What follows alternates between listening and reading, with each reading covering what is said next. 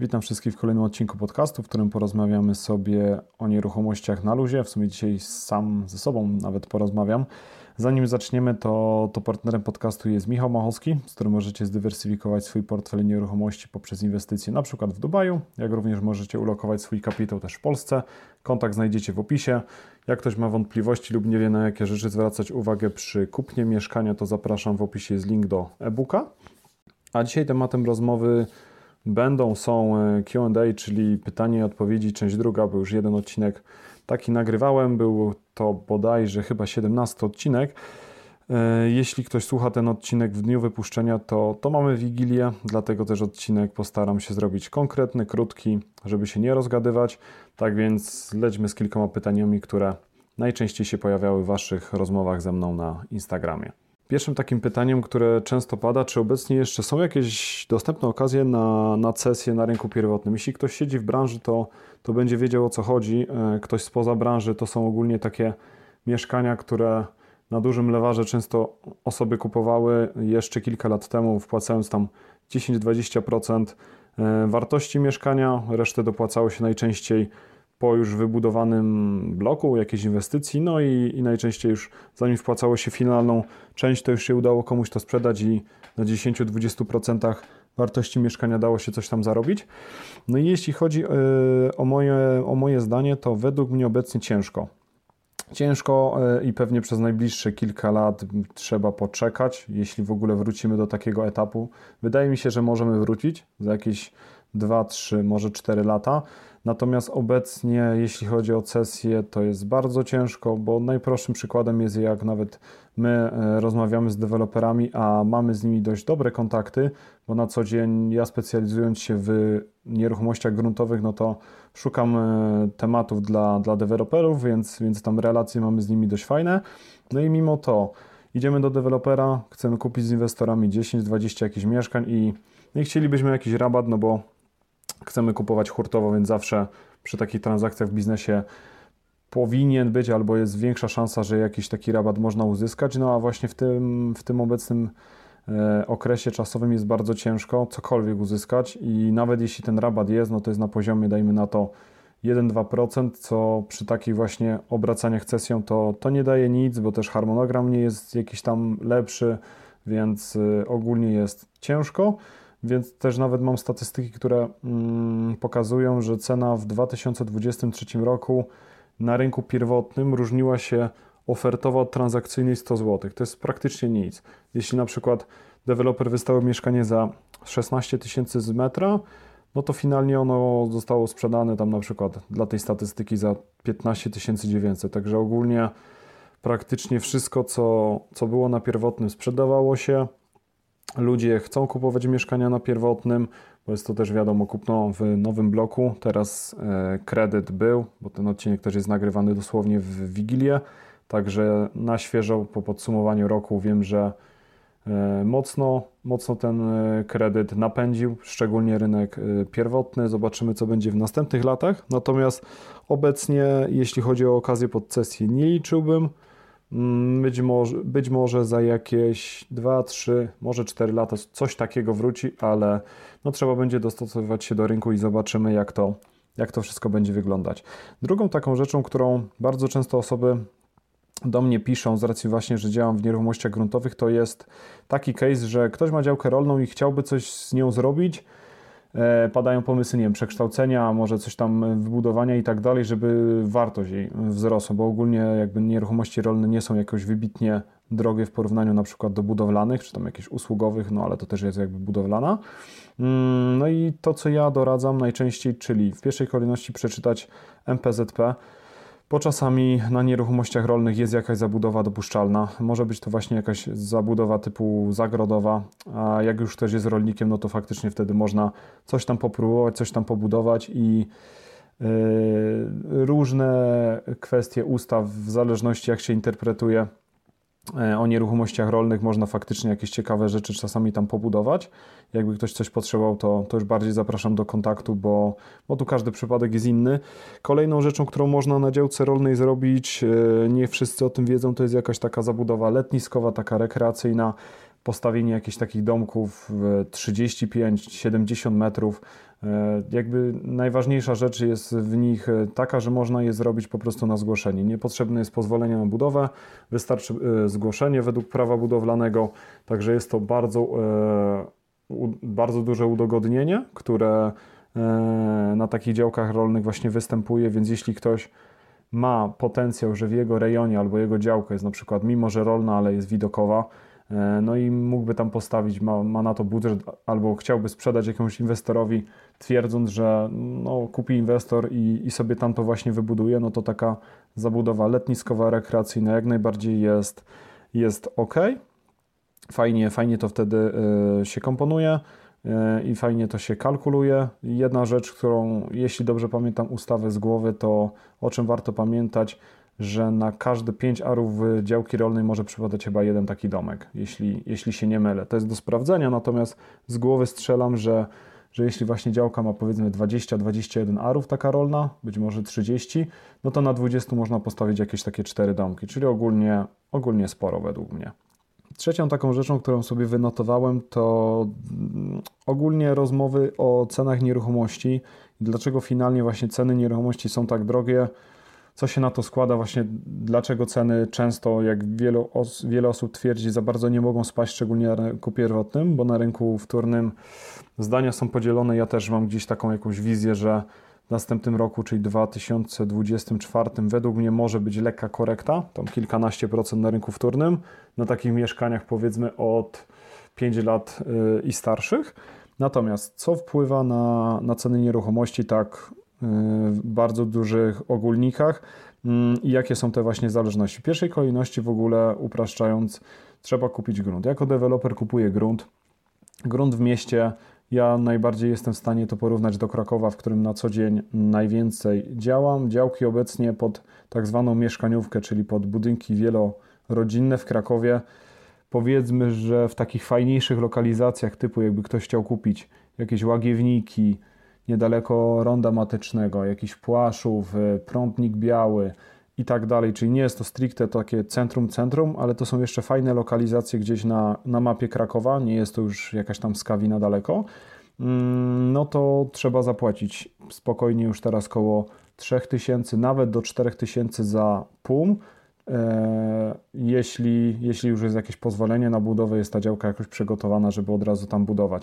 Czyli już do każdego metra, które potem, do każdego metra, który potem powstanie, już powiedzmy te 3-4 tysiące już jest na, na samym starcie, jeśli chodzi o kupno działki. Kolejna rzecz, no to oczywiście wybudowanie. Teraz przez ostatni rok za dużo się nie zmieniło, bo te sceny gdzieś tam budowy, robocizny w miarę się ustabilizowały, natomiast dalej jest to około tam powiedzmy 6,5 tysiąca do, do znowu takiego jednego pumu, czyli tego, tej powierzchni użytkowo-mieszkalnej, mm, która finalnie, finalnie powstanie.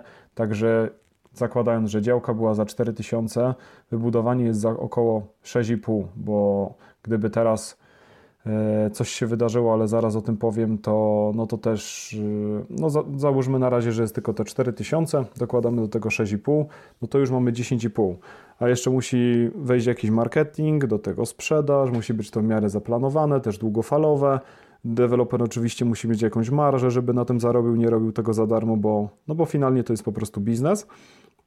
E, no to to jest kolejna rzecz, więc już wychodzi kilkanaście tysięcy, że już musi być sprzedane i też o jednej rzeczy warto pamiętać, że też deweloper musi mieć fajny zarobek, bo ten okres, przez który, prze, przez który jakby on to buduje, no to bierze dość duże ryzyko na siebie. Bo inwestycja deweloperska, taki blog nie powstaje z dnia na dzień. Najczęściej się mówi, że to jest okres między półtorej roku do dwóch lat. Deweloperzy najczęściej w umowach deweloperskich jakieś takie właśnie dwa lata sobie dają, żeby na spokojnie, na spokojnie sobie wszystko bez problemu zrobić i przez dwa lata może się bardzo dużo wydarzyć. Zakładając, że ktoś zaczyna budowę dzisiaj, to jest 24 grudnia 2023 roku, nie wiemy, co się wydarzy za dwa lata. Może się bardzo dużo rzeczy wydarzyć. Najprostszą rzeczą, o której można porozmawiać, że może się coś wydarzyć, no to jest wojna na Ukrainie. I zakładamy, że wojna na Ukrainie się skończy. Nieważne nawet w jakim aspekcie yy, politycznym, tylko po prostu jakby będzie taki będzie można powiedzieć, że wojna na, na Ukrainie się skończyła, no i zaczyna się ten proces jakiejś tam odbudowy i tak dalej, to wtedy bardzo dużo tych wszystkich materiałów, które teraz są w ok cenie u nas, będzie po prostu lecieć dalej na odbudowę tego, tego państwa, co przełoży się na to, że podwyższą się po prostu ceny materiałów u nas, no i finalnie deweloperowi może się rozjechać trochę taka inwestycja. Także to też jest jakieś ryzyko, które deweloper bierze na siebie, za tym idzie oczywiście zysk, ale trzeba o tym pamiętać, że blok nie powstaje z dnia na dzień i dużo czasami rzeczy może się wywalić po drodze, dlatego też jeśli ktoś ma zamiar kupić mieszkanie na rynku pierwotnym i wpłaca na bieżąco tymi transzami, Teraz ta ustawa deweloperska już jest troszkę lepsza, natomiast zawsze pamiętajmy, że dopóki faktycznie ten blok e, nie powstanie, to nigdy nie mamy 100% pewności, że, że jakby budowa dojdzie do, do finalnego skutku, mimo że na bieżąco się na przykład harmonogramem jakieś tam płatności płaciło. Czwartą rzeczą, którą sobie zanotowałem, to czy nieruchomości w social mediach się po prostu sprzedają. Według mnie tak, natomiast jest kilka rzeczy, na które warto zwrócić uwagę, o których warto pamiętać, albo lepiej o nich pamiętasz niż, niż po prostu nie pamiętać, bo ta statystyka, ta konwersja sprzedaży będzie wtedy, wtedy większa. Po pierwsze, w kogo celujemy tą daną ofertą, bo inaczej zupełnie się buduje marketing, w ogóle nawet tekst sprzedażowy danej oferty, kiedy sprzedaje się coś rodzinie, bo wtedy ważna jest jakaś na przykład powierzchnia większa, żeby każdy miał e, się gdzie zmieścić. Kolejną rzeczą jest na przykład bezpieczeństwo, bo rodzic kupując mieszkanie dla rodziny patrzy na to, żeby też było bezpieczne dla, dla jakiegoś na przykład małego dziecka, więc to są jakieś takie rzeczy, na które trzeba pamiętać, że inaczej oferta jest skierowana do na przykład klienta tak zwanego rodzinnego, a inaczej do singla, który będzie chciał być może mieć w okolicy siebie jakieś fajne restauracje, może blisko do centrum, albo jakąś taką e, bazę eventową typu blisko, tak jak w Krakowie nie wiem, Tauron Arena, żeby często na jakąś imprezę sobie szedł. Także wszystko jest skierowane w zupełnie inny sposób. Czasami jak jest klient korporacyjny, to znowu chce mieć biurowiec zaraz obok, żeby po prostu mieć blisko do pracy i nie musieć też czasu na to tracić. Także w pierwszej kolejności warto sobie zadać pytanie, ta dana nieruchomość, jeśli na przykład jest to mieszkanie, dajmy na to 20-metrowe albo 30-metrowe, no to wiadomo, że nie będziemy tego kierować do rodziny dwójka plus dwójka, dwójka małych e, dzieci, no bo to nie ma, nie ma sensu. Także to jest jedna z takich rzeczy. I druga taka rzecz, którą sobie zanotowałem z takich ważniejszych, to żeby też odpowiednio dobierać platformy. Według mnie coraz więcej osób, Instagram wiadomo, Facebook wiadomo, ale gdzieś ten TikTok. Ja bym się nie zamykał na TikToka. Według mnie, jeśli ktoś umie i czasami nawet właśnie jakoś humorystycznie, komediowo potrafi jakiś taki, mm, jakąś taką ofertę sprzedażową zrobić na przykład na TikToku jako film, który angażuje e, klienta, potem jest to tak zwany e, CTA, czyli call to action, żeby właśnie jakoś zostawić może kontakt, może się tym zainteresować, albo może jest jakiś tam jedna rzecz, którą warto się jeszcze dowiedzieć i, i zostaje to taki element niepewności, yy, dlatego też zachęca to tą osobę, która jest zainteresowana tym, tym filmikiem, tą nieruchomością. I warto też pamiętać o tym, że jest to stosunkowo tani marketing. Jeśli porozmawiacie sobie na przykład z właścicielami biur nieruchomości, to wrzucanie ofert na portale typu oto dom, oto OLX, gratka nieruchomości online i tak dalej, i tak dalej, nie jest już takie tanie jak było 5 10 lat temu to ogólnie te, te, portale zaczynały, ale powiedzmy jeszcze jakoś 5 lat temu. Także szukanie alternatyw, jeśli chodzi o marketing i, i o sprzedaż takich nieruchomości na innych portalach, które nominalnie są darmowe, bo trzeba poświęcić czas ewentualnie tej jakiejś ekipie, która nam ten marketing robi. Jeśli sami tego nie robimy, no to też wiadomo, mm, zapłacić tam jakiś monter, ktoś, kto jest jakimś operatorem i tak dalej. Natomiast samo wrzucenie na tą platformę nie kosztuje nic i często znam, yy, znam wiele osób, które stworzyły sobie jakiś taki szablon działania i przy każdej kolejnej nieruchomości robią kopiuj wklej i im to bardzo fajnie działa, zajmuje to mało czasu, no bo zrobili sobie jeden szablon, potem go łatwo kopiują. Jest to też e, kosztowo coraz, e, coraz mniejsze, bo, no bo wszystko tam się powtarza, już wiedzą, też można skrócić czas, no bo jeśli na przykład wynajmuje się jakiegoś montażystę czy operatora kamery na określony czas, czy jakiś sprzęt, jeśli się nie ma swojego, no to wtedy jeśli jesteś w stanie coś nagrać w godzinę, a nie musisz mieć 10 dubli i nagrywasz to 5 godzin, no to wiadomo, że te koszty, koszty po prostu maleją. Więc to jest druga rzecz, że ja bym się nie zamykał na platformy. Wiadomo, Facebook, Instagram działają jak, naj, jak najbardziej, natomiast czytam jakieś grupy na Facebookach, chociaż tam, tam jest bardzo duży spam, więc też trzeba, trzeba to robić regularnie i, i liczyć, że się przebijemy. Mm, natomiast nie zamykałbym się właśnie w ogóle na jakiegoś TikToka i tak dalej. Chętnie zawsze doradzam komuś, żeby tam wrzucać. Ja sam wrzucam na TikToka rzeczy, które tam nagrywam na mieście i, i według mnie to jest bardzo duży potencjał w tej, w tej platformie. Kolejna też rzecz, o której warto nie zapominać przy takim marketingu internetowym, to jest to, że ta oferta pokazuje nas jako eksperta. Jeśli właśnie się pokażemy jako ekspert w danej dziedzinie, dajmy na to, ja bym nagrywał jakiś film o nieruchomości gruntowej i pokażę ją w fajny sposób, pokażę, że jestem ekspertem, że znam się tam, czytam ustawy i tak dalej i wybrzmi to jakoś bardzo dobrze na tym, na tym konkretnym materiale, no to też jest to darmowa reklama dla nas. I jeśli ktoś ma jakąś podobną nieruchomość i się zastanawiał, sprzedać to samemu, a jeśli nie, no to pośrednik, ale jak, jaki pośrednik, czy szukać, czy się sami mają zgłaszać i tak dalej, no to wtedy już sam może po prostu przyjść do Was i to jest też zawsze lepiej, jak klient przychodzi do Was z perspektywy teraz mówię biznesowej, niż jak Ty wychodzisz do, do klienta, jak są, nie wiem, na początku pośrednictwa tak zwane cold call i się dzwoni po ofertach, no bo też potem jest łatwiej negocjować e, jakieś wynagrodzenie i tak dalej, więc to mówię na, na plus dla tych e, osób, którzy, które są pośrednikami i tak dalej. Mm, no i właśnie wtedy dużo osób się zgłasza. Ja mam znajomą pośredniczkę, która właśnie nagrywa takie oryginalne filmy pod każdą e, działkę, którą sprzedaje i klienci dosłownie przychodzą do niej ze swoimi nieruchomościami z tego danego rejonu, bo spodobał mi się ten marketing taki regionalny, z, no, że pokazuje, promuje właśnie ten region i oni też by to chcieli, więc naprawdę jest to czasami rzecz, e, na którą ktoś nie zwraca uwagi i jest to kolejny jakiś sposób, jak można pozyskiwać oferty, sprzedając jakąś inną, że jakby sprzedawanie oferty nie powinno się tylko patrzeć na to, że sprzedajemy tę ofertę, a pozyskujemy inaczej. Czasami można pozyskiwać konkretne kolejne oferty przy sprzedaży czegoś wcześniejszego i to fajnie, fajnie się wtedy łączy.